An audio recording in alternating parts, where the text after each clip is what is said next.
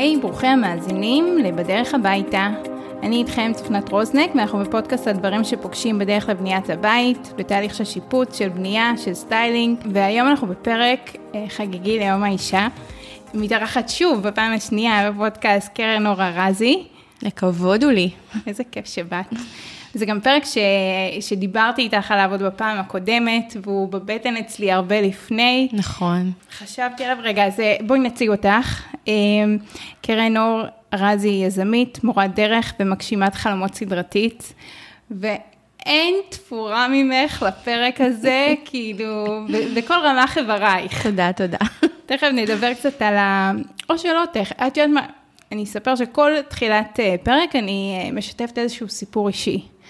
ובפרק הזה הייתי ממש צריכה להתלבט בין הרבה הרבה סיפורים, ובסוף, כאילו, הדבר האמיתי הוא שזה היום האישה הראשון, שאני מרגישה, אני ממש מתרגשת, אה, זה, אני ממש תהליך לוחית. זה מרגש.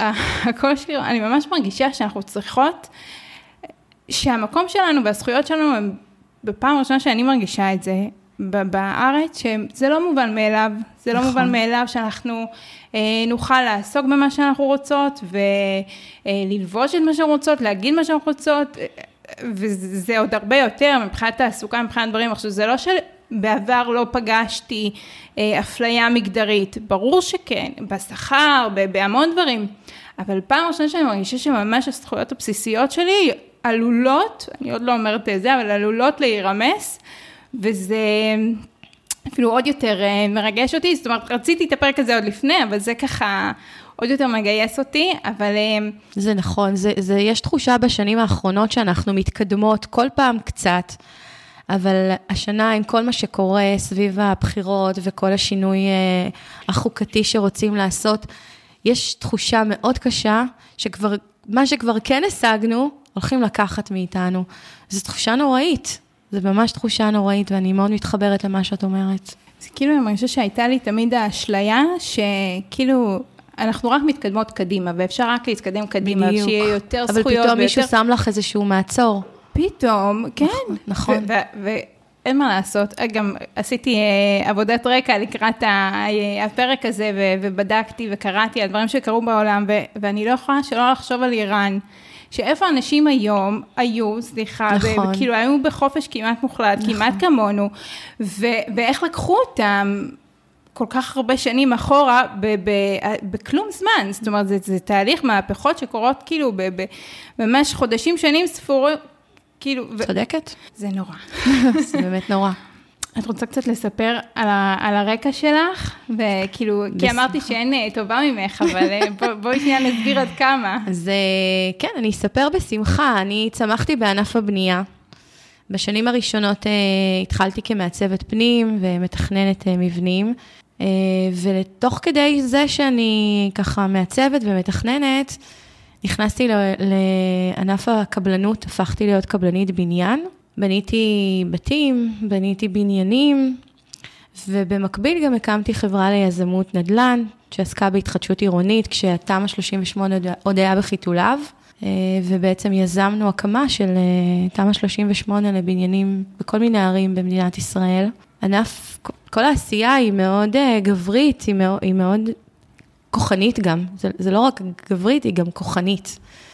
ובסופו של דבר, מצאתי את עצמי פחות עם נשים, הרבה פחות עם נשים. אם הייתי פוגשת אישה, היא הייתה מופיעה באתר כמתכננת או כמעצבת, דברים כאלה, ומוקפת גברים. הפועלים שלי היו גברים, בדרך כלל ערבים פלסטינאים. לאורך, לאורך השנים שלי כקבלנית בניין, היה לי שותף בחלק מהזמן, קבלן בניין ערבי פלסטיני, זו שותפות נהדרת, אנחנו חברים עד היום, חברים מאוד טובים, אבל כבר לא עובדים ביחד. השותפים שלי לחברה של התמ"א 38 היו גברים, לא היו שם נשים.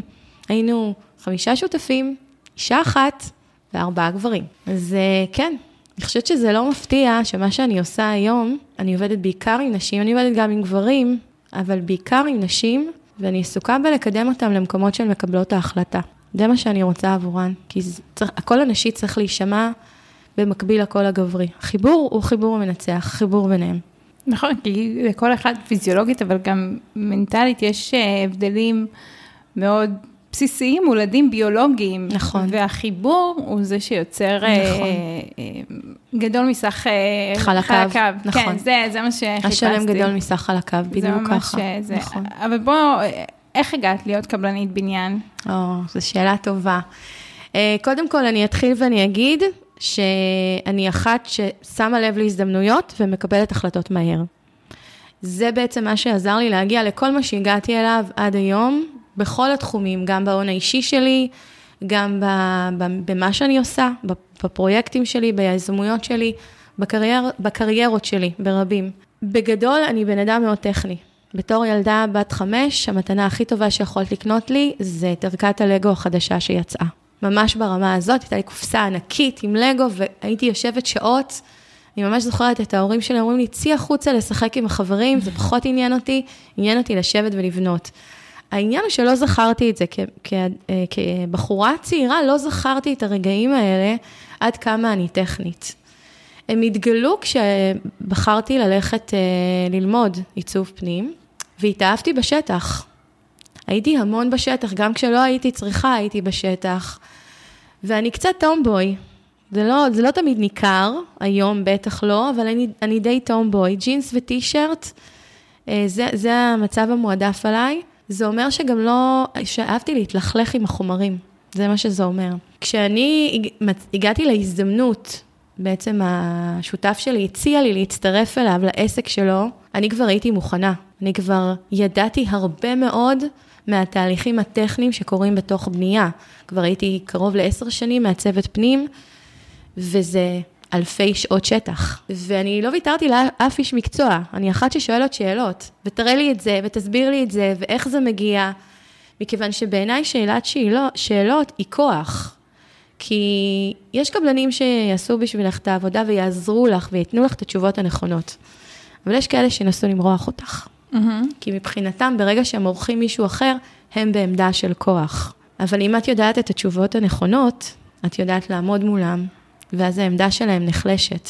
אז uh, כשהוא הציע לי את זה, הוא אמר שהוא מחפש, הוא מחפש uh, מישהי, מישהו ישראלי, שיכול לפתוח חשבון בנק בישראל, כי ערבים, פלס, ערבים פלסטינאים לא יכולים להתנהל במדינת ישראל מבחינת עסקים. מישהו שיקרא יקרא את החוזים בעברית, ובהתחלה באמת התפקיד שלי היה נורא קטן. כאילו בתוך השותפות הזאת, הייתי צריכה לקרוא את החוזים, למלא, לכתוב את ההצעות מחיר בעברית, דברים כאלה בסיסיים. אבל הוא מהר מאוד הלך וגדל, מהר מאוד קיבלתי את השליטה גם על הפועלים, על ימי העבודה, קיצרתי את שבוע העבודה שלנו לחמישה ימים. די. אה, זה, בא זה לא בא בקלות, אבל אחרי שזה נעשה, ועם המון אה, נחישות מצידי, פתאום השותף שלי הבין כמה זה דבר נכון. כי העובדים לא מגיעים לעבודה עייפים ביום ראשון. יום שישי הוא יום שהוא לא באמת יום עבודה, גם בשבילם, הם מסיימים שעתיים קודם, אבל הם כבר נורא עייפים מכל השבוע, ובעצם מפסיקים לעבוד איפשהו ב-11, אבל אנחנו משלמים להם יום עבודה מלא. אז זה גם ניכר במורל של העובדים, וזה גם ניכר בסופו של דבר בכיס של החברה, ברווחים של החברה. נחישות והתמדה, ולעמוד על שלי, כי אני יודעת. הייתי בטוחה, זאת אומרת, לא, לא סתם שאלתי אותך את השאלה הזאת, היה לי איזו תשובה שחשבתי ש, שאת הולכת לענות, אבל חשבתי שחלק מזה היה שראית בעצם שאתרי בנייה זה מקום מאוד גברי. נכון. כמו שאנחנו יודעות שזה נכון, באמת... סיפרתי לך את נכון. זה לדעתי בפעם שעברה ש... זהו. זה נכון, זה באמת הייתה אחת הסיבות, אוקיי? זאת אומרת, זו אחת הסיבות שההזדמנות הגיעה, ואמרתי כן, זה בדיוק בגלל המקום הזה שזיהיתי, שאתר בנייה הוא מקום מאוד גברי, ואני ראיתי את הלקוחות הנשים שלי, איך הן נרתעות מלהביע את דעתן כשמגיע הקבלן בשטח, ואיך הקבלן מנצל את זה לטובתו. כי בסופו של דבר, נכון שהקבלן רוצה לבנות ויש לו את הלקוחות מול העיניים, אבל לא תמיד טובת הלקוח ב-100% עומדת מול עיניו, בטח לא כמו שטובת הלקוח עומדת מול המעצב או המעצבת, האדריכל או האדריכלית. כי יש לו אינטרסים אחרים. לחסוך, לסיים ברור. אה, כמה שיותר מהר, יש- לחסוך בחומרים, נכון. לעשות את זה טכנית הכי קל, נכון לחבר את מאוד. החיבור הכי אה, נכון קצר. מאוד. כן. אבל האם אני רוצה את זה עבור הלקוחות שלי? לא תמיד. אף פעם לא. אני לא רוצה את זה עבור הלקוחות לא, שלי. לא, לפעמים אנחנו רוצות שזה באמת יסתיים כמה שיותר, אבל אנחנו נשתמש ב, בכלים או נעזר ב, באמצעים נכון. שהם לא סותרים את טובת הלקוח. בדיוק. זאת אומרת, ו- התוצאה, אנחנו נשמח שזה יהיה כמה שיותר זול וכמה שיותר מהר, אבל לא על חשבון טיב העבודה זול, או אבל הזול הוא לא. ללקוח, הזול הוא עבורו. זאת אומרת, זה להשאיר לו יותר כסף בכיס, ואין לי בעיה עם זה, אני מאוד אוהבת כסף, וצריך לייצר עסקים שמרוויחים כסף, זה נפלא, זה, זה, זה בסדר גמור, אבל לא כשזה בא על חשבון הלקוח. נכון. ופה אני הרגשתי שאם אני נכנסת לתמונה כקבלנית בניין, אני יכולה לאזן את המקום הזה. ואני באמת גיליתי בשנים שעבדתי מול לקוחות פרטיים, כי בשנים האחרונות שלי כקבלנית כבר עבדתי מול יזמים בבנייה של בניינים. זה קצת אחרת, את פחות עובדת עם לקוח הקצה. נכון. אבל כן בתקופה, בשש שנים הראשונות, באמת התעסקתי, בניתי בתים שאני תכננתי והצבתי, בנינו אותם, וכן זיהיתי שהמקום שלי בתוך האתר עושה עבור הנשים שנמצאות שם הרבה יותר קל, הרבה יותר טוב, הן הרבה יותר בטוחות בעצמן, בטוחות להביע את דעתן, סומכות יותר, כי הן מבינות שאני באמת נמצאת שם עבורן. והיו שם חיכוכים עם השותף, שהוא מחזיק את הדעות הקבלניות הממוצעות. ואחד הלמידות הכי גדולות שהוא הוא, הוא ממש אומר את זה, הוא ממש אומר את זה בכל פעם שאנחנו נפגשים, שהוא מודה לי שגרמתי לו להסתכל על פרויקטים בצורה טיפה שונה. לשים את הלקוח בעדיפות עליונה, אה, להתחשב במה שהוא אומר, לשמוע אותו. זה יצר שינוי מאוד משמעותי גם עבורו בבניית המוניטין שלו. אנחנו בדרך כלל לא מסתכלים על הטווח הרחוק, אנחנו כותבים החלטות על סמך הטווח הקצר. אבל כשאתה עושה את הפעולות האלה, הטווח הרחוק הוא מה שעושה עבורך את העבודה הטובה יותר. זה מדהים שאת אומרת את זה, כי זה מצד אחד נכנס לזה בכובע של אה, אה, לעשות טוב ולעזור ללקוחות נשים אה, באתרים, ומצד שני את הרווחת גם, כאילו במרכאות לחנך את, ה, את הצד השני גם, שיראה את, ה, את החשש ושהוא יתנהג גם אחרת בסיטואציה, זה... נכון, ואני יכולה להגיד לך שעכשיו כשהוא עובד עם אה, מעצבות ואדריכליות אחרות, שאני מפנה אליו, באמת אפשר לראות את הצורת עבודה החדשה שלו. הוא יותר קשוב, הוא יותר אה, פתוח, הוא לא מחפש להקטין אותן, להפך, הוא מבין שבעצם זה שהן נמצאות שם, הוא רק יכול למנף את זה לעשייה שלו, תמונות שהוא מעלה אחרי שהן אה, מעצבות דברים והוא בונה, אז פתאום זה נראה אחרת לגמרי. כן, זה שיתוף. האמת שבפרק הקודם אה, ראיינתי את אה, חניתה שהיא קבלנית פנייה, ו... ודיברנו על הזוגיות הזאת של קבלן ומעצבת, שבסופו של דבר שהם עובדים, שאנחנו או הם עובדים טוב ביחד, כולם מרוויחים מזה. זאת אומרת, גם לקבלן זה יותר טוב, גם למעצבת, ובטח ובטח ללקוחות. כאילו זה איזה דינמיקה כזאת. לגמרי ווין ווין. כן. חבל שקבלנים, חלק, חלק מהקבלנים לא רואים את זה כבאמת כמשהו שהוא ווין ווין, אלא יותר מתייחסים אפילו לפעמים כאל כאב ראש, כן. ועל איך, איך להתגבר עלינו. לא צריך להתגבר עלינו, צריך לעבוד איתנו, איתנו, זה כן. הכי, זה הכי טוב. נכון, נכון. בואו נצלול רגע לתוך אה, אה, אתרי בנייה, ובעצם נשים, כאילו התחלנו לדבר על זה, אבל נשים באמת נרתעות מלהגיע לשטח, כי זו שפה שהן לא מכירות, כי הרוב המגדרי הוא, אה, זאת אומרת, בדרך כלל הרוב יהיו גברים, הפועלים, הקבלנים. ה- נכון. אמ, אז, אז זה לא נעים להיות בסיטואציה כזאת שאת במיעוט, לא משנה אם היא מגדרית או על רקע אחר, זה, זה, זה אף פעם לא נעים, בטח שאת לא מבינה על מה מדברים איתך, ואת אוטומטית מרגישה טיפשה. נכון. אני אומרת את זה בלחש, כאילו לא ישמעו, אבל, אבל זה מין הרגשה כזאת, היא לא נעימה. רק ביני לבינך. אז איך אנחנו הופכות את זה בעצם לכלים שהן יכולות אה, להשתמש בזה כן, איך לעצמן. אנחנו יכולות לעזור להם אה, להתגבר על זה? אז קודם כל, ידע זה כוח. תלמדו את השפה, זה לא מאוד מורכב, בטח לא היום כשאנחנו נמצאים בעידן שאנחנו, יש לנו גישה בלחיצת כפתור כמעט לכל ידע שאנחנו רוצות. כמה מושגים, הבנה של כמה תהליכים. אני יודעת שיש רתיעה, כי דיברנו על זה כבר קודם, בנייה זה שפה זרה. כל מה שקורה בתוך תהליך הבנייה הטכני, זה שפה זרה. אם עד עכשיו הם uh, הבינו איפה הולכת להיות הספה, והחומר שנשתמש, והריצוף שהם בחרו, זה, זה היה ויזואלי, כל תהליך הבנייה, עד שהוא לא קורה בשטח, הוא לא ויזואלי, ואז הוא קורה, ואז קשה מאוד לתקן אותו. אז תלמדו אותו קצת, תעשו את שיעורי בית, כמו שאתם מתכוננים להרצאה שלכם באיזשהו מקום, או לפרזנטציה שאתם צריכים להעביר לבוס, או וואטאבר, לא משנה. תלמדו קצת את השטח, תלמדו את המושגים, תשאלו, תשאלו שאלות. קודם כל, זו דרך נהדרת לרכך את רוב העם הקבלני, את רובו. לא כולם אוהבים לענות את השאלות, אבל זו דרך מעולה, כי גברים מאוד אוהבים להסביר לנשים. אה, ויש לזה מונח, אני למדתי אותו לא מזמן, זה נקרא מסגביר, זה גבר שמסביר. ומזל שיש לי אה, ילדים אה, בגילאי 20, שמלמדים אותי מושגים חדשים כאלה. אוצר מינים חדש. בדיוק. אז uh, גברים אוהבים להסביר, תנצלו את המקום הזה ותשאלו שאלות. אתם תקבלו תשובות. עכשיו, ד- דרך התשובות זה דרך מעולה לדעת אם הוא מורח אתכם או לא, מכיוון שמי שמשקר לא יגיד את אותה תשובה פעמיים באותה צורה. ומי שדובר אמת יגיד גם בפעם הרביעית בדיוק באותה צורה את התשובה.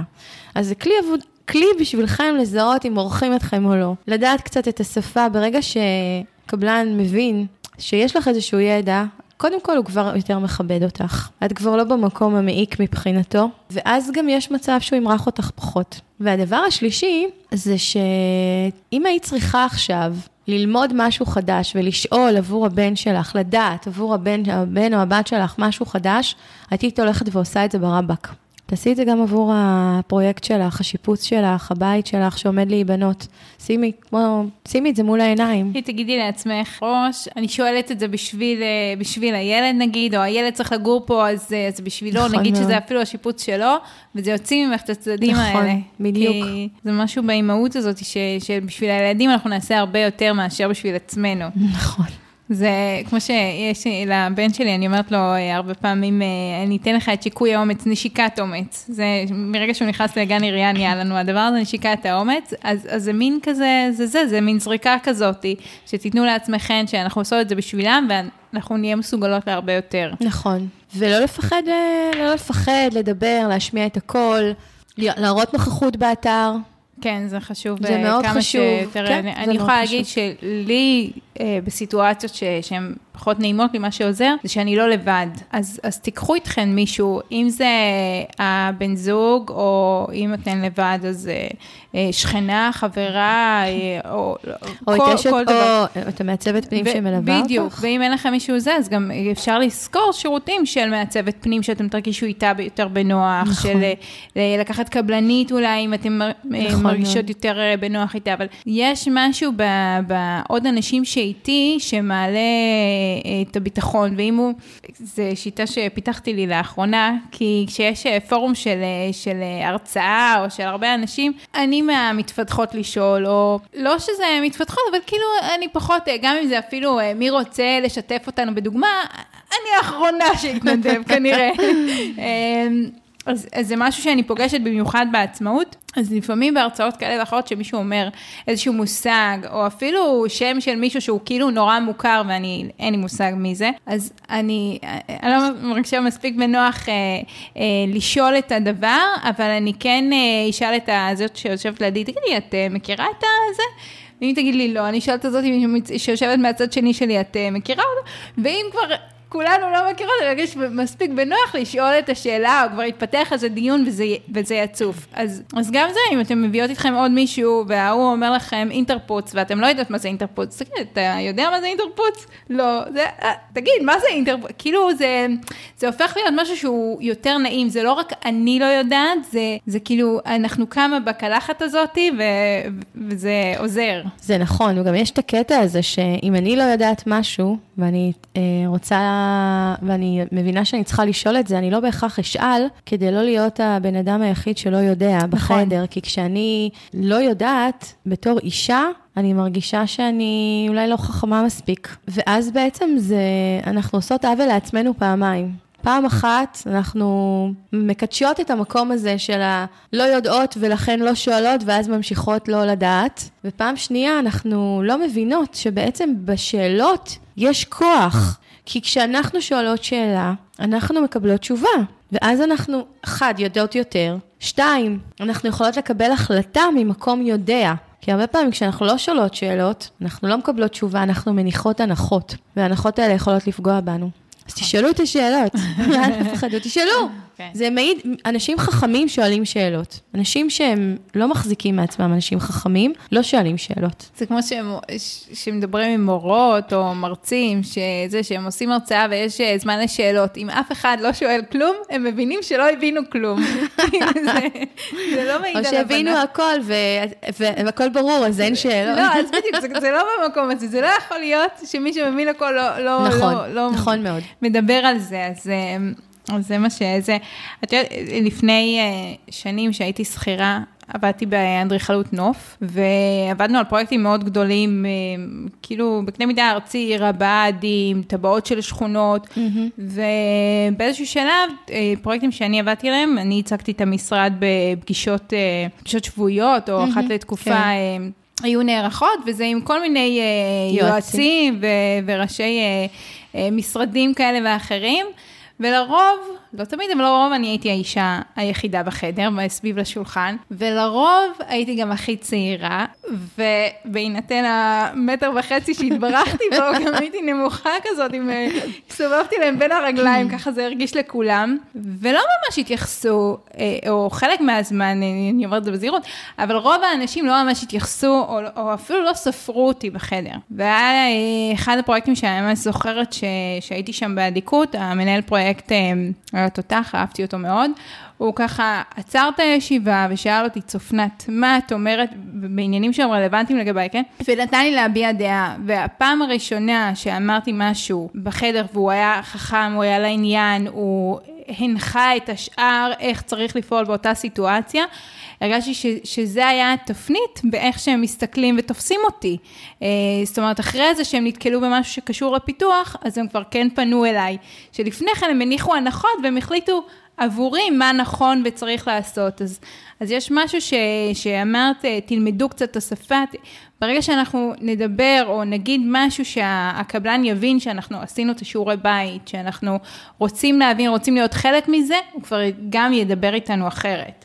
נכון, אה, נכון מאוד. בפרק הקודם אה, אירחתי, כמו שאמרתי אה, לפני רגע, את אה, חניתה, שהיא קבלנית אה, בנייה, והיא סיפרה שבשטח, בהתחלה שהיא אה, התחילה בעצם להיות קבלנית, כל הזמן אמרו לה, את צועקת, את צועקת, זה לא נעים לנו, את, את עושה היסטריה ופאניקה. והיא למדה עם הזמן להוריד, את ה- להנמיך את הווליום ואת הקול. ואני אמרתי לה, באותו פרק, שאם גבר היה צועק, אז אה, היו אומרים, הוא סמכותי, הוא מיישר את הפועלים, כולם, אה, תראו איזה יופי, הסדר נשמר פה. ואם אישה צועקת, אז היא היסטרית והיא צריכה ללמוד להנמיך את הקול. אז יש תפיסה אחרת לאיך שגברים מתנהלים באתר ספציפית ובכלל, ונשים, וגם מתייחסים לזה אחרת. נכון. אה, ואני אגיד גם, קודם כל יש תפיסה אחרת באופן כללי לאיך אישה צריכה להתייח... להת- להתנהג. ואיך גבר צריך להתנהג, אוקיי? זאת זו תפיסה שונה לחלוטין. ואישה לא אמורה להיות uh, צועקת, היא אמורה להיות ליידי. רק שבעבודה, באופן כללי, אנחנו לא ladies, אנחנו עובדות, ואנחנו מביאות את עצמנו. אבל אני גם אקח את זה למ- למקום הביולוגי שלנו, אוקיי? ההבדל בין גברים לנשים, אחד הדברים הכי מעניינים, אני חושבת, שאספתי איתי בקורס של המורשי נגישות, הייתה שיחה על ההבדל בין איך גברים שומעים קולות, איך נשים שומעות קולות, ואיך לקויי שמיעה שומעים קולות. ואחד הדברים המעניינים והמפתיעים מאוד, כי אנחנו תמיד אומרים שגוף האדם הוא מכונה מאוד מרשימה. ויחד עם זאת, קול גבוה של אישה וקול גבוה של תינוק צורח, גבר לא שומע. פיזיולוגית. פיזיולוגית, אמיתית. הוא לא שומע. עכשיו, אם הקול הוא גבוה ולא גבוה מאוד, זה נורא מציק לו. זה ממש מציק לו באוזן. ומטבענו הקול שלנו יותר גבוה. כשאנחנו צועקות, מרימות את הקול, מתעצבנות או מרימות את הקול, מטבענו, הקול שלנו עולה כי הוא גם ככה יותר בדיוק, גבוה יותר בדיוק, גבוה. מקול של גבר. נורא קשה להם עם זה. ממש, הם מרגישים שהם ממש, אה, הם נעלבים מזה. ולגבי תינוקות, זה ההסבר לגבי כל הגברים שלא קמים בלילה, הם לא שומעים את הקול של התינוק צורח. זה לא תירוץ. זה לא תירוץ, נכון, זה לא תירוץ, אבל אפשר לפתח קצת יותר הבנה במקום הזה. כן, לא, זה מאוד מעניין. זה ממש כן, הבדל ביולוגי. בדיוק, ש, שאני אה, שומעת על כל מיני מחקרים ועל דברים שהם ביולוגיים, שהם פיזיולוגיים ממש אה, הבדלים, גם עם, אה, על העניין של הקול וגם עם, על, היבטים אחרים כאילו של התפתחות האדם, זה, זה תמיד מפתיע אותי, כי הרבה פעמים קל לי להגיד, שזה סטריאוטיפים, ואומרים את זה רק כי, כי הם רגילים, וזה סתם משפטים, וזה כל מיני אקסיומות כאלה, אבל, אבל יש הצדקה ביולוגית לזה, זה כבר, זה, זה מכניס לי את זה למשבצת אחרת, כאילו זה תירוץ מוצדק כבר. נכון, זה... נכון מאוד, נכון. שערכתי, יש לי פרק אחד שאירחתי בו אה, גבר, ושערכתי את הפרק, ממש ראיתי את ה... את ה כאילו, בתוכנה שאני עורכת את הזה, אז רואים את הגלי קול, וממש ראיתי, זה היה כל כך נמוך.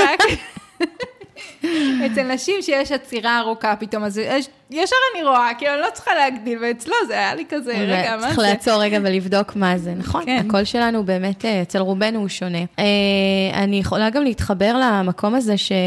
אה, של הפודקאסט הקודם שלך, בהקשר ש... שהמשכתי לעבוד עם השותף, ובעצם נהייתה המון עבודה, התחלנו לחלק את הפרויקטים, לא, לא לכל פרויקט הגענו ביחד. ופתאום הייתי צריכה לנהל צוות של עובדים. פועלים. ש... פועלים, שרגילים להקשיב לו, והם לא מקשיבים לי. ואני אומרת להם מה לעשות, והם לא עושים. ומתקשרים ככה במירס אליו, כי אני אישה. הם מתקשרים, אני לא סמכות, אני לא סמכות. עכשיו, זה גם מתקשר לתרבות. בתרבות הערבית המסורתית, שזה רוב הפועלים שלי, הם היו פועלים פלסטינאים. זאת אומרת, הם עדיין בתוך התרבות הערבית המסורתית. לאישה אין, אין באמת say בשום דבר כמעט. אם, אם המשפחה יכולה להרשות לעצמה, אז האישה היא עקרת בית. אם היא לא יכולה להרשות לעצמה, אז האישה במקרה הכי, כאילו, מנקה בתים, זה בערך, כי הן לא לומדות מקצוע, הן לא, רובן, כן? רובן, יש גם כמובן רופאות והכול, אבל אני מדברת על הרוב המכריע. הקול שלה לא, הוא לא באמת חשוב, הוא לא נספר, הוא, הדבר היחידי שהמקום שלה הוא בלגדל את הילדים ולטפל בבית. ועכשיו מגיעה אישה, והיא בעצם הופכת להיות הבוסית שלהם. אז יש שם איזשהו מין מאבק כוחות כזה. אבל זה גם, זה במקום שאת כבר הבוסית שלהם, הם עדיין מתקשים להקשיב נכון, לך. נכון, נכון, זה היה שם תהליך שהם נדרשו לקחת. הם, הם ישר אה, פונים במירס לשותף שלי, והוא היה אומר להם מה לעשות, ממשיך את, ה, את הדבר הזה, לא ממקום רע, לא ממקום לא מתחשב. הרגל. פשוט לא ממקום חושב, כן. אוקיי? בדיוק, הרגל. ובאחת מישיבות ההנהלה שלנו, כל יום ראשון בבוקר הייתה לנו ישיבת הנהלה, אה, על כוס קפה וקורסון, אז באחת מישיבות ההנהלה אמרתי לו, תקשיב, זה לא לעניין. אם אחד העובדים מבקש ממך תשובה על משהו שאתה יודע שאני נתתי לו תשובה, תעצור אותו ותפנה אותו חזרה אליי. גם אם לא נתת לו תשובה, אבל את זאת שבשטח, להפנות אליי. נכון, להפנות אליי. ובאמת, גם שם, הוא, זאת אומרת, הוא היה צריך לעבור איזשהו תהליך עם המקום הזה, אבל ברגע שהערתי את תשומת ליבו, זה באמת קרה. ואז מערך הכוחות השתנה, התחילו להקשיב. אבל הסיבה הנוספת שהם גם התחילו להקשיב זה שהראיתי להם איך אני יודעת יותר מהם. זה גם היה פה מקום של אני צריכה להתעלות מעל ה, אולי תחושת ה... בסדר, אני יודעת, אז מה? כאילו, זה מובן מאליו שאני יודעת, הידע שלי הוא obvious, הוא לא כזה חשוב, אה, ו, ופה הייתי צריכה, אני, לעשות את העבודה, ולהגיד, רגע, אני יודעת, אני אתקן אותו, כדי שהוא יעשה את זה נכון כמו שאני רוצה. זה גם שהוא יעשה את זה נכון, וגם שהוא יבין שאני יודעת. זה כאילו נכון לכל ה... זה, זה כמו בדוגמה שנתתי בישיבת צוות הזאת, ש... את, את הפקטור המקצועי, את האוטוריטה המקצועית. כן, נכון, כן, נכון כן. מאוד. זה נשמע לי נורא קשה להיות באזור הזה, שאת מוקפת גברים באתרי בנייה, ואת הבוסית. ואיך כאילו הרגשת, אם הרגשת לא בנוח בסיטואציה, אז מה עזר לך? ואם כן הרגשת זה מדהים בפני עצמו, אבל כאילו, איך, איך כל הדבר הזה התנהל לך? אז אני אחלק את זה לשניים. זאת אומרת, כשהייתי מעצבת פנים, הייתי מגיעה לאתרים, זה לא היה פשוט. היו שם, אני עוד מהדור שבגללם חוקקו את חוק ההטרדה המינית, מילים שמטרידות. זה היה קצת מטלטל, הערות על החזה שלי, על המחשוף שלי, על הגודל של הישבן שלי, ואת אחרי זה נכנסת לאוטו, ואת, אה, ואת חושבת, מה היה שם? את מרגישה כל כך מחוללת ומושפלת. זה לא מקום שנעים להיות בו. והכעס הגדול היה על, על, על עצמי, שלא עניתי. כשהייתי צריכה לענות. שזה בעצם הקבלנים שעבדת מולם, נכון, העירו הערות, נכון? נכון, בדיוק. לא הפועלים, לא ברור. לא הפועלים, לא, לא, לא, כן. לא הפועלים. גם לא הלקוחות. לא, גם ממש לא הלקוחות, זה ממש היו הקבלנים. עכשיו, אני יודעת היום, אני קצת יותר חכמה, קודם כל, ההערות האלה הרבה פעמים מגיעות מהמקום של בדיוק להשפיל אותך, כדי שלא תרימי את ראשך, כדי שתדעי את מקומך. זה חלק מהאסטרטגיות של אה, שליטה בתוך, אה, בתוך מערכת יחסים, בתוך להקה, בתוך, לא משנה. זה להקטין מי שסובב אותי בשביל להעצים את עצמי גם לפעמים. בדיוק, נכון מאוד. ואחד הדברים שעזרו לי להתמודד עם הנושא הזה, זה להתאמן על משפטים. ממש להתאמן עליהם מול המראה, להגיד אותם, ואז כשמגיע משפט כזה, להחזיר במשפט אחר. מה, אשתך לא אמרה לך כלום שרואים לך את החריץ כשאתה יוצא מהבית? וזה חיזק אותי. זה יצר אצלי חיזוק מאוד גדול. אחר כך, כשהייתי אה, קבלנית, זה כבר סיפור אחר. אני כבר באה מעמדה של כוח. כבר מתייחסים לזה אחרת, כבר מקשיבים. אבל שוב, צריכה לה, את צריכה להשמיע את קולך, את לא יכולה... את צריכה להפעיל את המרפקים שלך. את חייבת להפעיל את המרפקים שלך. זה לא דבר נעים, זה לא טבעי לנו כנשים, אבל צריך ללמוד לעשות את זה. זה לא פשוט. אבל אני יכולה להגיד לך ש... זאת אומרת, התרבות שאת מדברת עליה, אה, היום אני לא מרגישה אותה. שזה נפלא בעיניי. כן, ש, שהתחום הזה הוא עבר שינוי, וגם פועלים וגם הקבלנים, אה, טפו טפו חמסה, כן, אבל אני, אני, אני מנסה ככה לשחזר לעצמי, אבל אני לא נתקלתי אה, בתרבות הזאת, זאת אומרת, באמת, אה, זה עבר תהליך, וזה הגיע גם לאתרי בנייה. נפלא. וזה השתנה, כן. כי אתרי בנייה זה הדבר האחרון שמגיע אליהם איזשהו עדכון, כן? כן. זה הכי הכי, הכי לואו-טק שיש. אז אני שמחה לשמוע את זה, כי זה באמת חוויה שלא הייתי רוצה שאף אחת תעבור, אבל אני יודעת שהרבה נשים בגילאים שלי כן עברו אותה, אז אה, אני שמחה לשמוע שזה ככה. זה דור, זה, זה באמת תקופה אחרת, ודור, את יודעת, אה, לא מזמן אה, תכננתי שיפוץ אצל אחותי. הם בחרו קבלן ש, שלא אני המלצתי עליו, ו, וכבר ביום השני... כבר עשו טעות. כן. וזה, וזה מאוד מהר, זה, כבר ביום השני התפוצץ בינינו, הטונים עלו, אמרתי, תפסתי את הראש, אמרתי, מה, לא יכולו להקשיב לי, מה הם, איפה הביאו לי את הזה? והגעתי לשטח, ודיברנו, ואישרנו את ההדורים, ובאמת מאותו רגע עבדנו טוב ביחד. אמ, וזה באמת בנפיט של כולם, אבל הוא שמר על האינטרסים שלי, אני שמרתי על האינטרסים שלו, קיבע, ממש כיבדנו אחד את השני. אמ, ובאחד הימים הוא הביא, המחלוקת בינינו היה על המחפרים של האינסטלציה. אני רציתי עוד קופסה, הוא לא רוצה, משהו כזה, טכני לגמרי. ואחד הימים שאני לא הייתי בשטח, והוא הביא אינסטלטור להתייעץ איתו גם על הבקשות, על הדרישות שלי וגם בלי קשר. אה, ואחותי ככה הייתה בסלון, והם דיברו ביניהם, והוא אמר, אבל למה אתה רוצה ככה? למה אתה לא שם ככה? אז הוא אמר, לא, לא, זה המעצבת, והוא, כמו שאמרתי לך, כאילו אחרי החיכוך בינינו, הוא שמר עליי ממש. אה, בפרויקט הזה, לא, לא, המעצבת אה, ביקשה שזה ככה, והוא אינסטלטור, הוא 60 ו... חתך הגילאים, 60 ומשהו, הוא, הוא גדל בתרבות אחרת. הוא חי נכון. בתרבות אחרת. ואני ממש הפרעתי לו בבקשה שלי, שרציתי, לי היה חשוב שהניקוז יהיה באמצע העיגול של האריח. אריח עם עיגולים, לא יכול להיות ניקוז בצד. נכון, קרן? לגמרי, לחלוטין. היום הוא משתמש בתמונות האלה. אבל באותה שיחה הוא אמר לה, מה המעצבת? מה היא מבינה? מה זה? תקשיב ככה, תעשה ככה.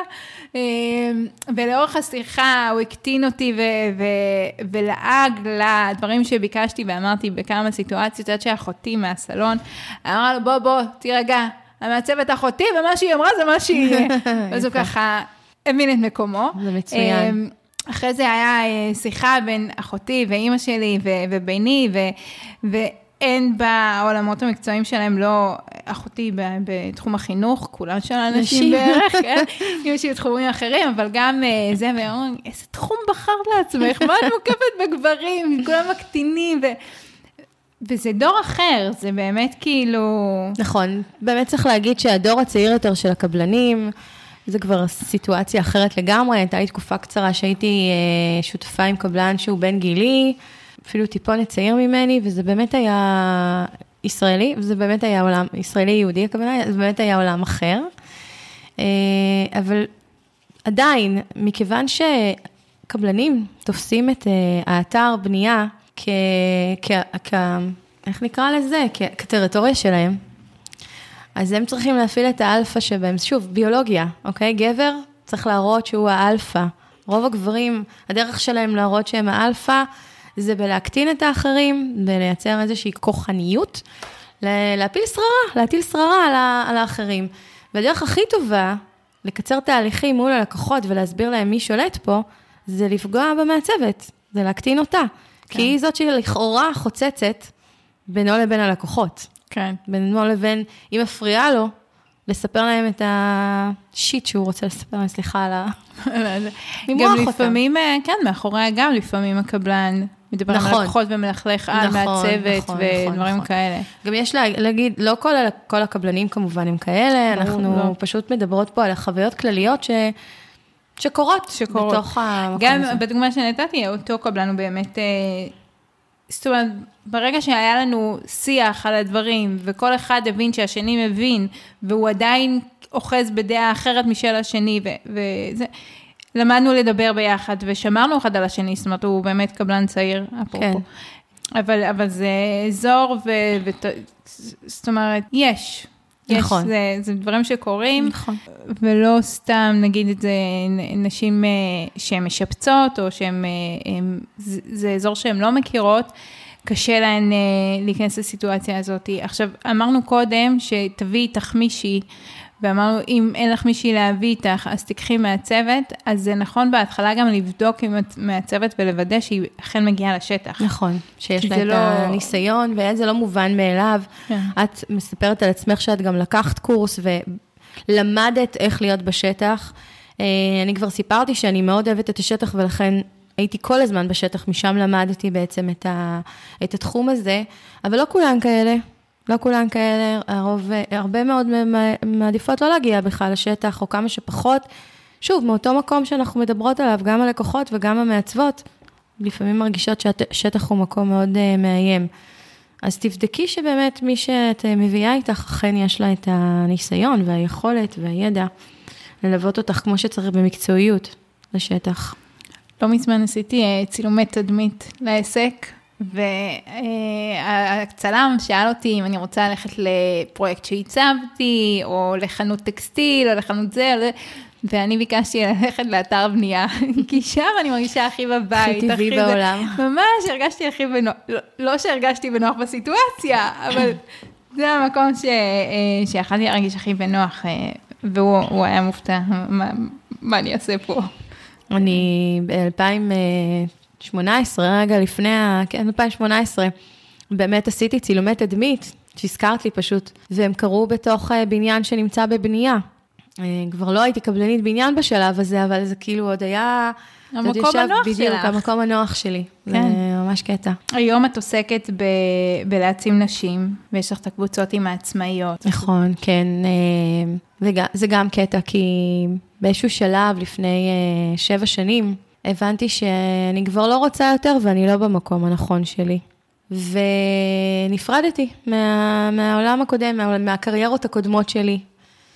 אני עדיין מתעסקת ביזמות נדל"ן, אבל אני את החברה של ההתחדשות העירונית סגרתי, סיימתי את הפרויקטים של הבנייה שהיו לי באותה תקופה, וסגרתי את הסטודיו של העיצוב פנים. ולקחתי את עצמי לחל"ת, להבין מה אני רוצה לעשות, כי לא ידעתי מה אני רוצה לעשות, ידעתי שאת זה אני לא רוצה יותר, שזה לא נכון לי.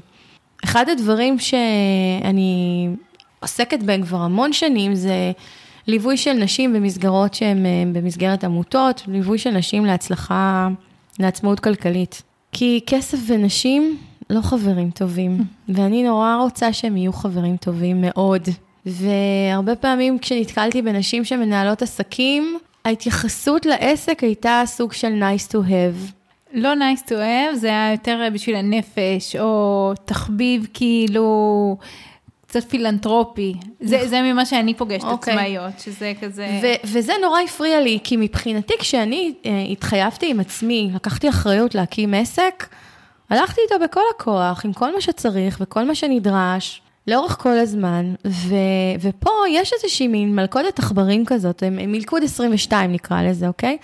כי אם אני עסק קטן ואני מתייחס לזה בצורה הזאת, אז גם ההכנסה שלי כזאת, כי אני גם מן הסתם מתאים את הפעולות שלי, וגם הזמן שאני מפנה הוא כזה, ואז גם ההתייחסות של הסביבה לעסק שלי היא כזו, ואז אני בעצם יכולה לקיים את העסק שלי רק אם זה מסתדר עם דברים אחרים.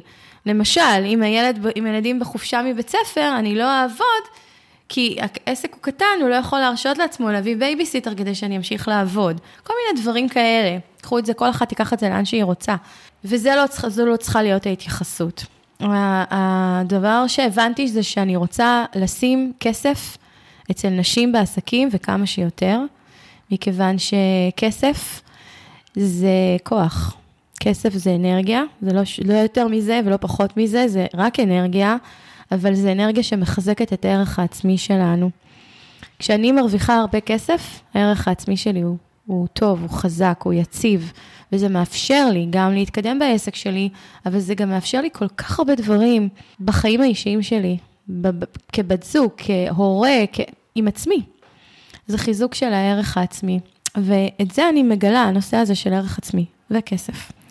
אני מגלה שהוא בחסר אצל הרבה נשים עצמאיות, וזאת השליחות שלי בעולם, לחזק את המקום הזה של הערך העצמי, להביא יותר כסף לנשים. ככל שיהיה לנשים יותר כסף, הם יהיו יותר בנקודות אה, כוח, בנקודות שליטה, כי היום אה, גברים הם חברים של גברים, ואם גבר צריך לבחור את מי לקדם, גבר שהוא היה איתו באותו גדוד, או חלק איתו אותו מפקד, או, או לקדם אישה, שהם שניהם אותו דבר, אוקיי? מבחינת היכולות והכישורים, הוא יקדם את הגבר. זאת אומרת, הוא ישאיר את הכסף, את הכוח, את עמדות השליטה, בצד הגברי. ואנחנו צריכות לשנות את זה, והדרך לשנות את זה זה לצבור כוח. את יודעת שאף, כאילו, אף פעם לא תפסתי את ה... את ה זאת אומרת, לא צירפתי את, ה, את הזיווג הזה בין כסף לכוח, לביטחון, לשליטה. זאת אומרת, אני יכולה להעיד על עצמי שמהיום הראשון בעסק, שאני פתחתי, היה לי חשוב שהוא... שהוא יכניס כסף והוא יפרנס. זאת אומרת, גם בחודשים שהם, אה, שאת יודעת, חוויתי קורונה וטלטלות כאלה ואחרות, וגם עכשיו אנחנו בתקופה שהיא פחות טובה אה, נכון. בענף שלנו יחסית. אז, אז בתקופות של, של טלטלה, שלא היה לי להעביר כל ראשון לחודש, אני מעבירה מהחשבון אה, העסקי לחשבון הביתי, הפרטי, משכורת, ובחודשים שהיה לי קשה, או שלא הצלחתי להעביר את המשכורת שאני החלטתי שאני רוצה, זה היה לי קשה, זאת אומרת, זה, מבחינתי העסק, הוא, יש לו זכות קיום, כל עוד הוא מפרנס אותנו. ממש ככה. זה ממש, אה, זה, ויחד עם זאת, לא עשיתי את ההקשר בין, זאת אומרת, להעצים נשים, לבין זה שנשים ירוויחו יותר. זה, זה מעניין שאמרת את זה ביחד, כי אני לא תפסתי את זה. תחשבי על עצמך כשלקחת, שאת אה, אומרים לך כן, על פרויקט שאת מאוד רוצה ותמכרת אותו כמו שצריך. אולי אפילו העזת והוספת עוד יותר כסף ממשהו, ואמרו לך כן עליו, תחשבי איזה תחושת סיפוק נולד, נולדת במקום הזה, שנכנס עכשיו יותר כסף בזכות זה שנכנס לפרויקט הזה. עכשיו, זה נכון שמבחינת סדרי עדיפויות, אצל הרבה מאוד אנשים שעובדים בתחום השירות, מעצבים, אדריכלים, אמנים, עובדים בתחום השירות, השליחות, העשייה, היא בסדר עדיפות גבוה יותר מהכסף. וזה נפלא, כי זה מאפשר לנו וזה מנוע של תשוקה שהוא מאוד חשוב להטענה האנרגטית שלנו. יחד עם זאת, על ההטענה האנרגטית שלנו, כמו לסוללה של טלפון, יש, אה, יש אה, התרוקנות, אוקיי? אם אנחנו נהיה כל הזמן במקום שבו אנחנו עובדים ורצים אחרי הכסף, או לא מתומחרים כמו שצריך, ורק נמצאים במקום של הנתינה, הסוללה שלנו תתרוקן, תתרוקן. והכסף הוא אחד האלמנטים שמטעין סוללה. את רואה את זה, דרך אגב, אצל שכירים בכירים, שנמצאים בסוג, בסוג של כלוב של זהב, שאולי יכולים לפרוש ויכולים להרשות לעצמם לעשות דברים אחרים, אבל הם לא עוזבים, למה? כי המשכורת מאוד מפנקת, אוקיי? לכסף יש את הכוח okay. כן. לתת לך אה, ערך עצמי, ואתה מרגיש שאתה שולט על החיים שלך שיש כסף. וזה מקום מאוד חשוב להרבה מאוד נשים, כי בעצם הרבה מאוד נשים לא, לא, לא חשות את המקום הזה. כי אני מדברת על עצמאיות, כן? עצמאיות. כן? שכירות זה משהו אחר. בעצם הן מקטינות את הערך של הכסף בשביל, כביכול, זה הסיפור המסופר, בשביל להגדיל את הנתינה, או, או הערך של העשייה שלהם. יותר חשוב לי שזה חשוב... יקרה מאשר שזה יכניס כסף. כן. מתחת לכל הדבר הזה מסתתרות המון אמונות מגבילות על כסף. נשים גדלו אחרת מגברים בנוגע לכסף. אה, את צריכה להיות יפה ולהתחתן עם גבר תמצאי בעל עשיר. עשיר. לא יכולה לסבול את המשפט הזה. בדיוק. סיפורי אגדות, סרטים של דיסני עד לפני כמה שנים, אוקיי? זה דברים שגדלנו עליהם, כולנו. יש עוד ילדות שגדלות עליהם. גם היום בבתי הספר, יש, את ממש יכולה לראות בספרי הלימוד איך זה, איך מובילים בנים למקום מסוים, ואיך מובילים בנות למקום אחר. זה נורא, אני חושבת שזה גם במערכת החינוך בבתי ספר, אבל גם, זאת אומרת, זה, תרבות זה משהו שקשה לשנות. ואנחנו, אנחנו, כאילו, אני, זה, אבל אני בדור של ההורים לילדים קטנים כרגע, אנחנו הרבה פעמים עושים דברים על אוטומט, או אומרים דברים על אוטומט שאמרו לנו, בלי שאנחנו מבינים את הסאבטקסט, בלי שאנחנו כאילו מעכלים את זה וחושבים, זה המסר שאני רוצה להעביר הלאה, כמו תמצאי בעל השיר. אני, אני שמעתי בגינה, אמהות אומרות את זה לילדות. נכון. עכשיו, אני לא חושבת... שהן רוצות להעביר את המסר הזה. אני שומעת את זה עד היום, לצערי. בדיוק, גם אני. אבל הילדים במיוחד לילדים שהם קולטים וסופגים כל כך הרבה מסרים, זה נכנס להם איפשהו לתת מודע. נכון. וזה זה, זה משהו מתקבע ומשתרש, ואחר כך בבגרות זה איזושהי, זה האמונות המקבילות שהם, נכון. שהם סופגים. נכון מאוד. אז... אז אל תגידו את זה. ועוד הרבה דברים אחרים. נכון. אל תבכה כמו ילדה. אל תגידו לבנים, את זה. נכון, אל נכון. תבכה כמו ילדה. סליחה. נכון. דמעות זה רגשות בנוזל. חד משמעי, וזה צריך. אה, וזה לא כמו ילדה, זה לבכות כמו. בכי. לבכות, כמו כן. לבכות. אה, לפני כמה שנים אצלי, אה, אני ככה חושפת קצת מהזה, אבל הילדים שלי לא יאזינו לפודקאסט הזה, בסדר? את מוגנת. כרגע, לכי תדעי, את יודעת, זה... לא אני מקווה שאני לא עושה את זה. אה, אבל הבן שלי, מגיל מאוד צעיר, הוא אהב את הצבע הוורוד, והוא הוא אוהב, אמרתי לך קודם, נכון, נצנצים, על כל. הבית שלי הוא נצנצים כרגע אחרי פורים.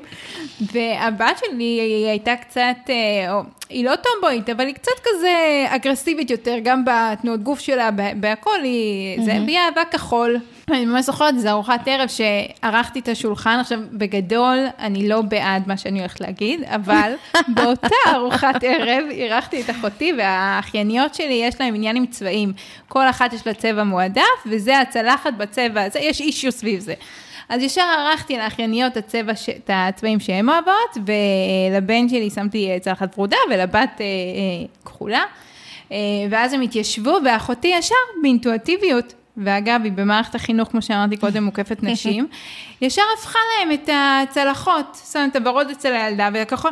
אמרתי לה, לא, לא, אני התכוונתי שזה יהיה הסדר, אלה הצבעים המועדפים, אז כאילו, רגע, נעצור את מה שאנחנו רגילים, לעצור, נכון. ולחשוב כל דבר, מה הסאבטקסט, מה המסר, מה אנחנו מעבירים הלאה, ואם זה באמת מה שאנחנו רוצים להעביר, כי יכול להיות שלפעמים אנחנו רוצים להעביר איזשהו מסר כזה, אני לא בעד, אבל יש אנשים ש... נכון, צודק. אז זה לחשוב על, את יודעת, לפני כמה שנים הצט... אה, נרשמתי לה- להרצאה לתרבות האונס, שמישהי העבירה, והעיקר, עיקר הסיבה ש...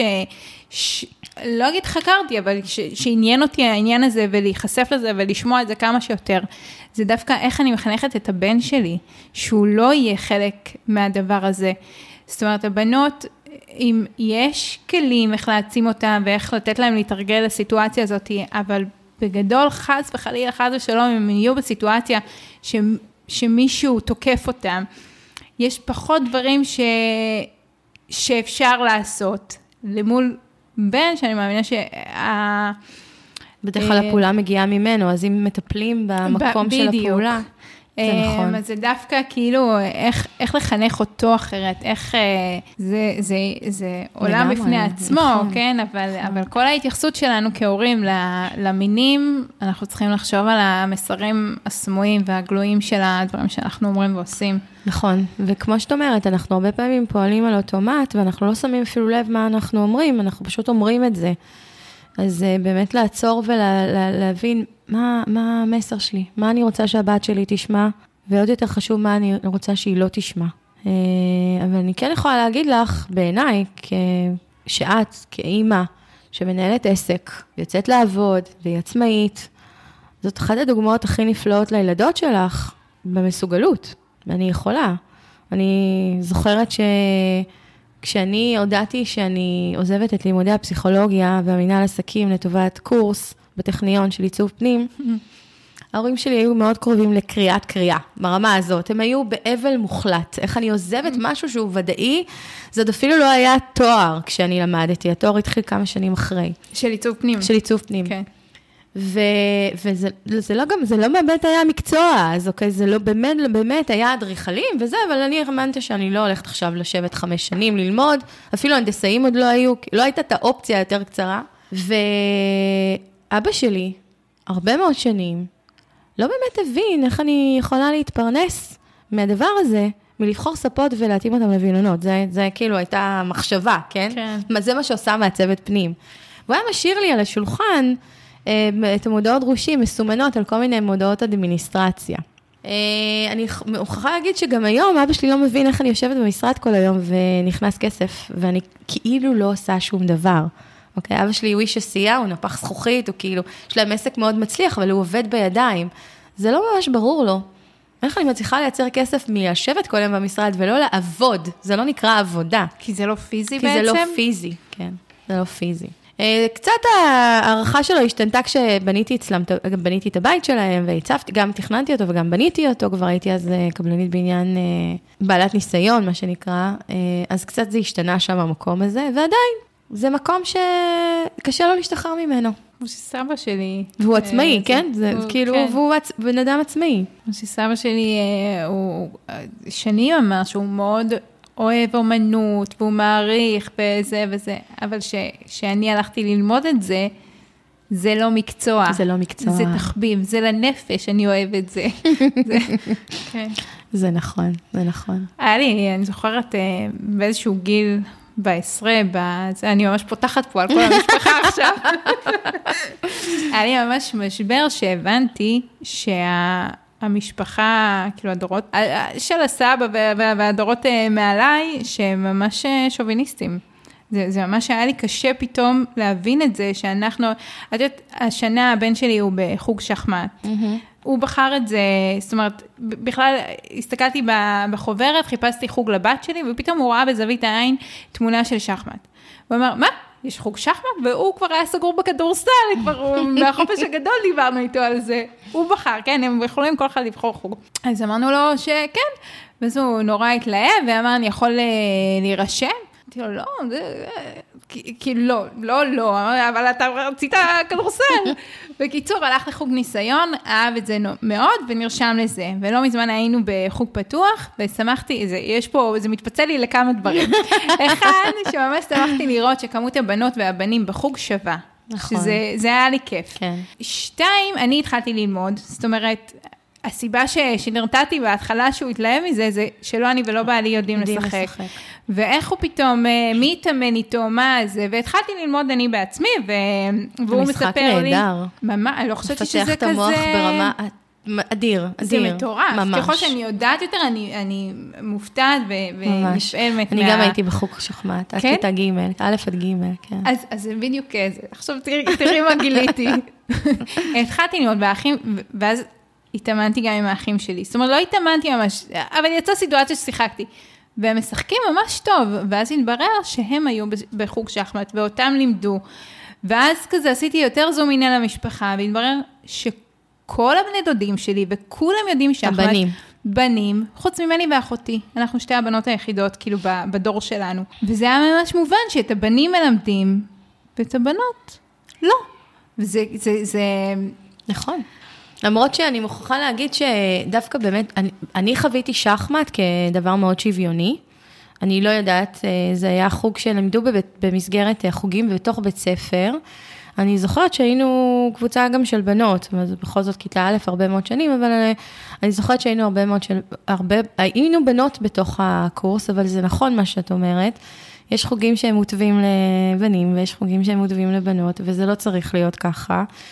ואני יכולה להגיד לך שההורים שלי, שאני מאוד אוהבת ומאוד מעריכה, גידלו שלוש בנות, ואבא שלי הוא שוביניסט לא קטן, ואימא שלי עוד יותר גרועה ממנו בהקשר הזה.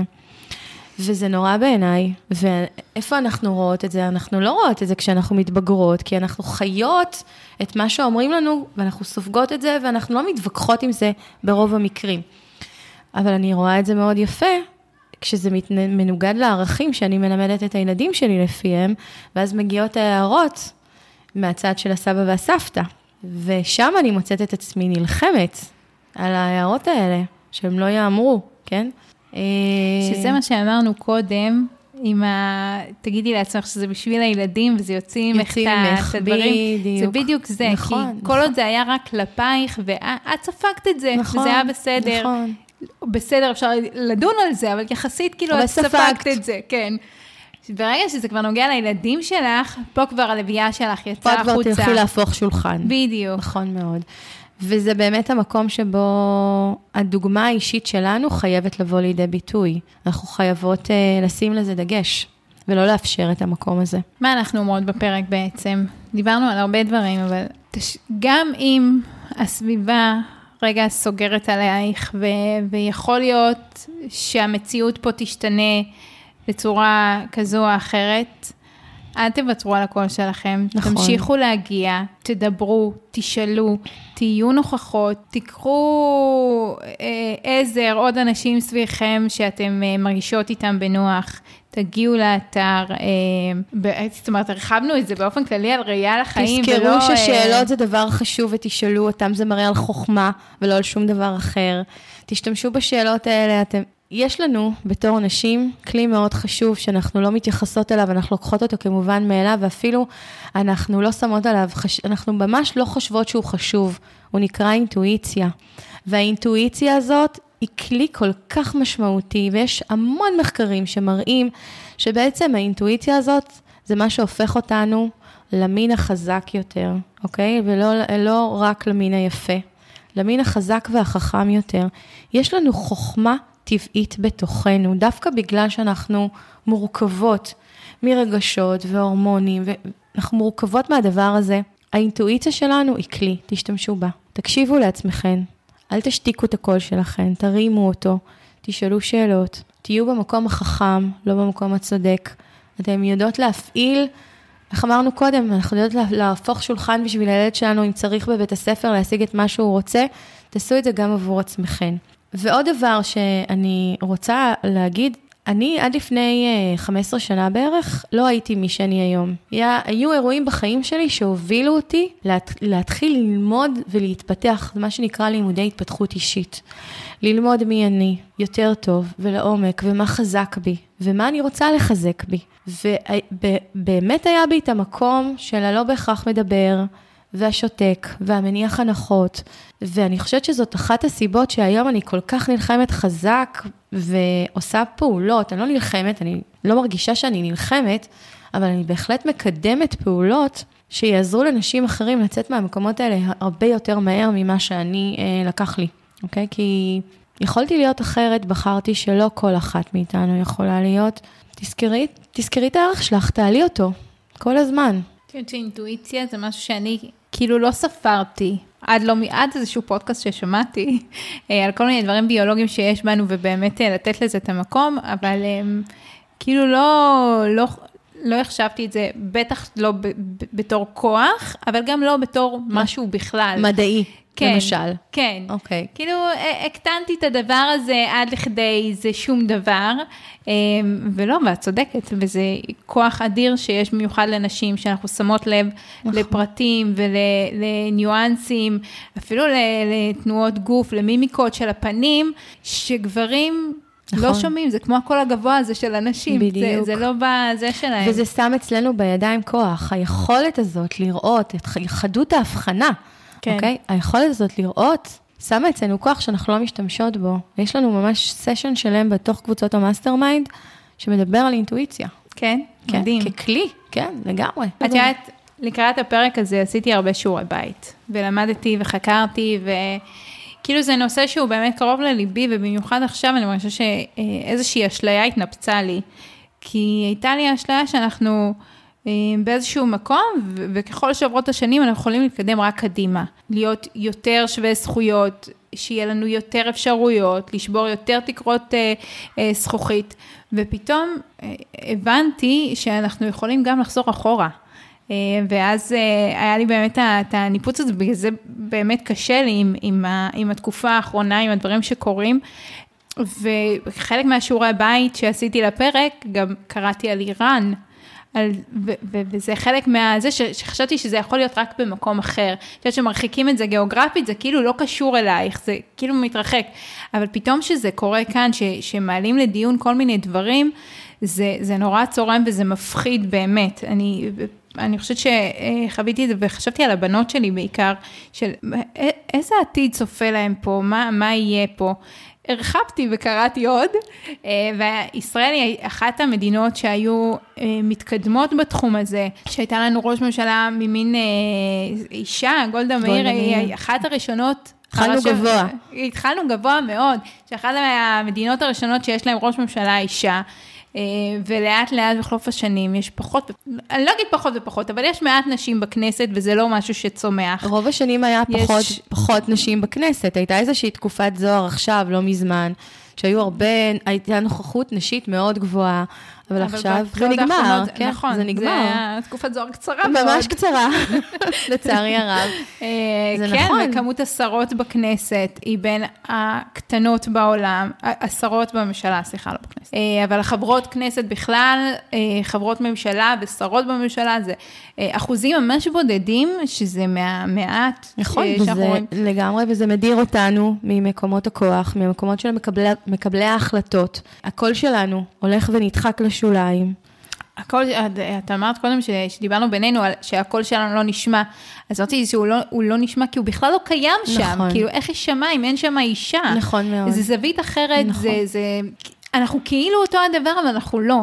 וזה, וזה זה, זה, זה דבר. נכון, כאילו, זה, זה דבר. דבר אה, נכון. לעלות לסדר היום ולדון בו, ו, ולראות איך לעשות אחרת. את קודם אה, אמרת לי על העמדות של נשים. הגבוהות. נכון, ש... יש מושג כזה בעולם התאגידי, שנקרא קווין בי, שזה בעצם אישה שמצליחה להתקדם למקומות גבוהים, אבל לא מקדמת נשים תחתיה, אלא מקדמת גברים, מתוך פחד שנשים יתפסו את מקומה. ממש הגדרה בעולם התאגידי. ואני אומרת, אבל זה בדיוק הפוך, כי אם את אוספת מתחתייך גברים ש... שיתמכו בך במקום נשים, כי את מפחדת שהם יתפסו את מקומך, והגברים האלה, יבוא היום שהם יצטרכו להחליט בינך לבין גבר אחר בתפקיד דומה לך, איפה את חושבת שהנאמנות שלהם תהיה? היא לא תהיה אלייך, היא תהיה אל אותו גבר, כי, ז, כי זאת הקבוצת השווים של, של, שלהם. לעומת זאת, תקדמי נשים, ואז תצרי לך קבוצת שוות משלך, ואתם תקדמו אחת את השנייה, ו, ואז בעצם אנחנו מייצרות לנשים נוספות עמדות כוח נוספות.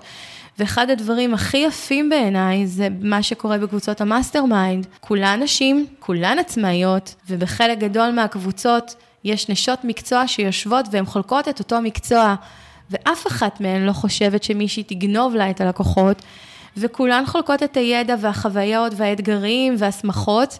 ויש שותפויות שנולדות מזה, ושיתופי פעולה שנולדים מזה, וזה נורא נורא מרגש, כי ככה צריך להיות, נשים צריכות לתמוך אחת בשנייה, כי זאת הדרך לייצר כוח.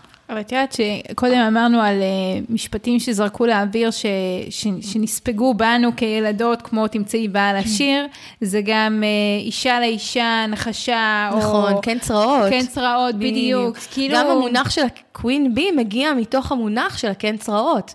מתוך של המונח ה... של הדבור, מהעולם של הדבורים והדבורים, אוקיי? כן, אז זה, זה חלק מאותם דברים שכאילו גדלנו עליהם, נכון. והשתרשו לנו איפשהו, שאני מעדיפה אה, להקיף את עצמי בגברים מאשר נשים, והאמת שאת, זה מדהים שאת עברת מסביבה שהיא גברית לחלוטין, לעכשיו לעבוד עם נשים ולהעצים נכון, נשים. נכון מאוד, נכון.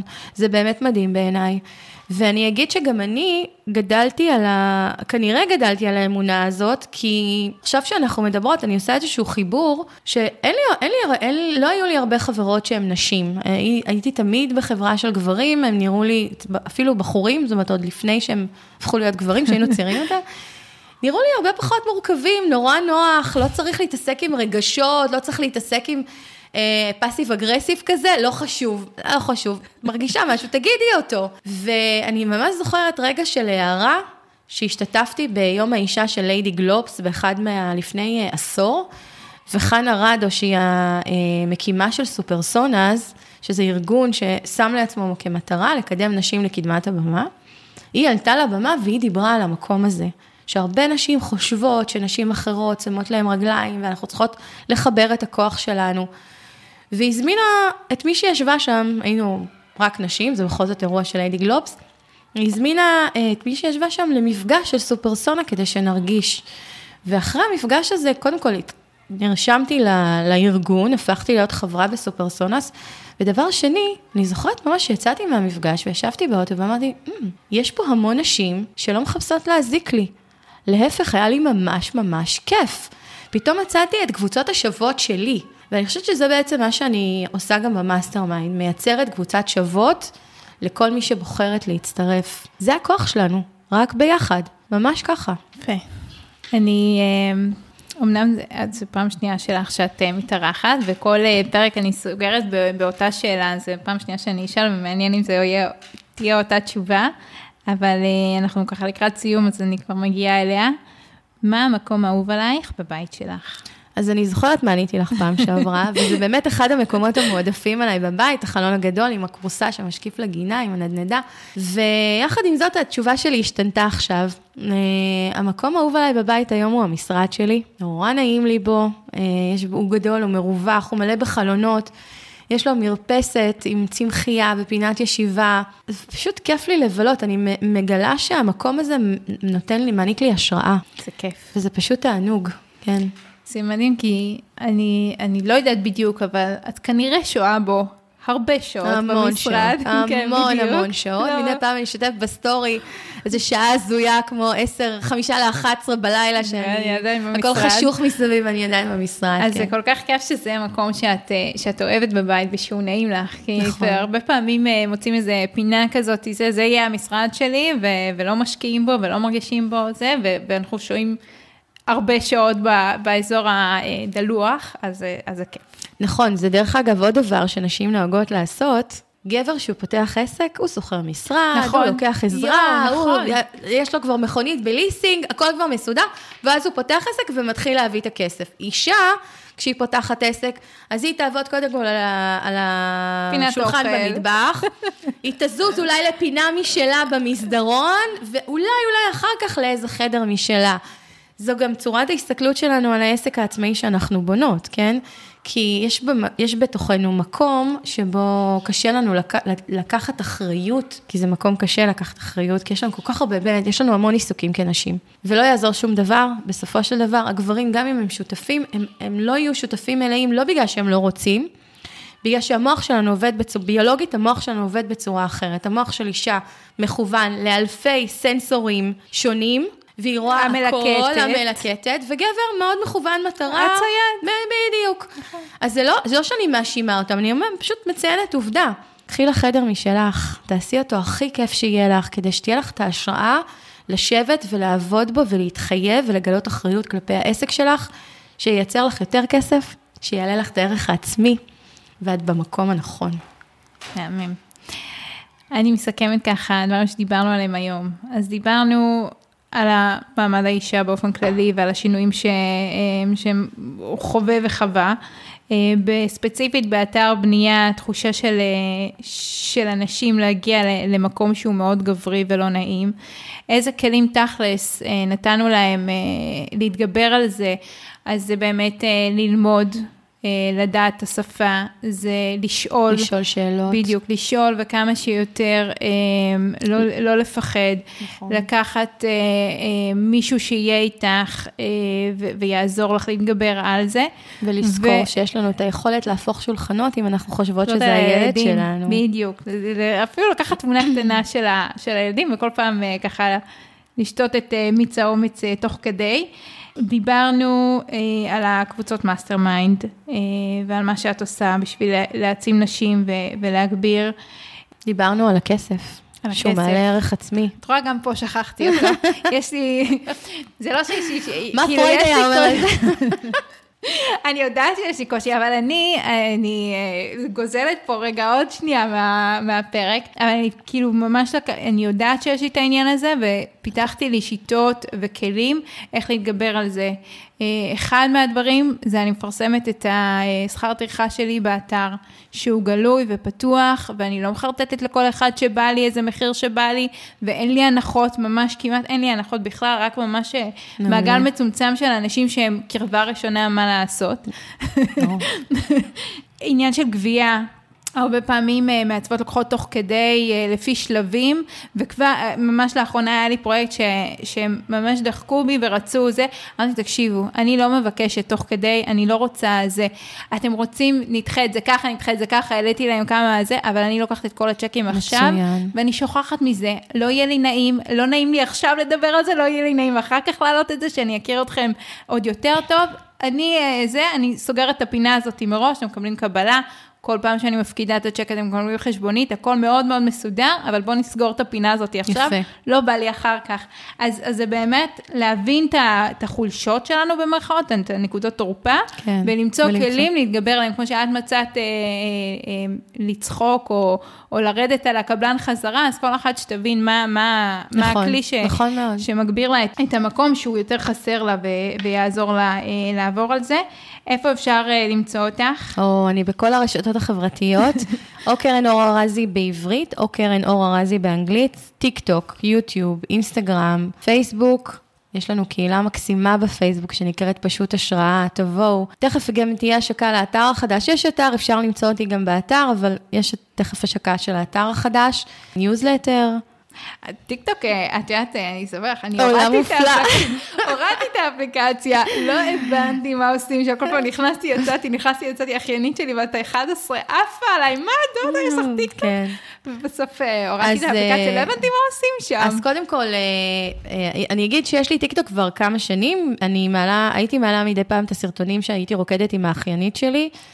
בארוחת שישי. היינו נפגשות, זה חלק מהמסורת שלי ושלה. לפי כאילו התנועות כן, שצריך, כן? בדיוק, אנחנו מצלמות, כאילו, פותחות סרטון של מישהי מוכרת ככל הנראה. ואני לומדת... ככל הנראה שהילדה כן, כי, כי ליבוש, האחיינית שלי כבר יודעת את התנועות, זה רגע, תחכה לדודה היותר אה, כבדה שלה, שתלמד את התנועות. אה, אבל ממש לפני אה, חודשיים, משהו כזה, החלטתי שאני נכנסת בטיקטוק ברצינות. דרך אגב, בזכות האחיינים היותר בוגרים שלי, שישבו איתי בארוחת ערב, ואמרו לי, מה, איך את לא בטיקטוק? תהיי בטיקטוק. אמרתי להם, תקשיבו, לא בא לי להתחיל לרקוד כל הזמן. מה פתאום, את לא צריכה לרקוד, את צריכה להעלות ערך, ואת, יש כל כך הרבה שטויות בטיקטוק, דווקא מה שאת מדברת עליו, הם צריכים לשמוע אותך. איזה אחיינים. יש לי כפרה עליהם, באמת. הכי מרימים לי בעולם.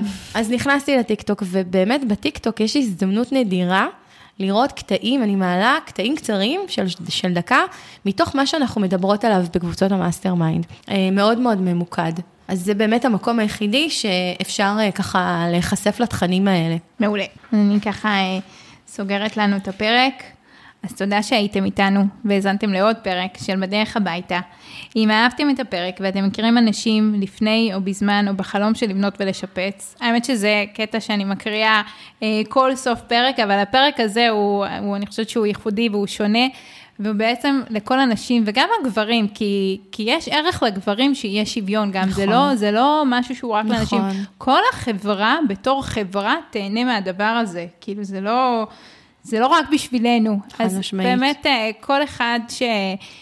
שהנושא הזה קרוב לליבו, אבל במיוחד אם יש נשים לקראת שיפוץ, שאתם יודעים שהן קצת אה, חוששות מהתהליך הזה, תשתפו איתם את הפרק.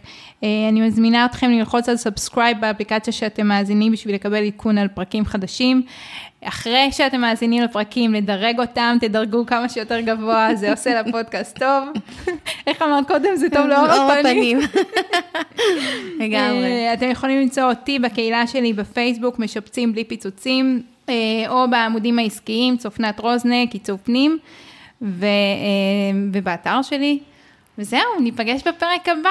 אני רק אגיד, כן. שלהעביר הלאה דברים, לתת, זה בעצם אנחנו נותנים מתנה כשאנחנו מעבירים הלאה. אז אנחנו, קודם כל, קרמטית עושים טוב לעצמנו, כי העברנו משהו הלאה. דבר שני, משהו שכיב, טוב, משהו לא סתם משהו. ברור, משהו טוב, כן? אחרת הקרמה לא תעבוד, משהו, היא תעבוד, אבל לא לטובתכם, בדיוק. אה, דבר שני, אנחנו, מי שמקבל את המתנה הזו מכם, מעריך אתכם. ודבר שלישי, כמו שאמרתי קודם, זה עושה טוב לאור הפנים, הדבר הזה. אז uh, באמת, אני חושבת שזה יצא פרק מאוד מיוחד. נכון, הוא אחר. כן, הוא אחר. תודה רבה, אני ממש שמחתי להיות פה. תודה שבאת שוב. אני ממש שמחתי על הפרק הזה ושזה איתך. אמרתי, פתחתי את זה את הפרק ואני אסיים שאין אה, מישהי שהיא יותר מתאימה לדבר הזה, לדבר על נשים ולהעצים אותם ולהגדיל. תודה, תודה, תודה.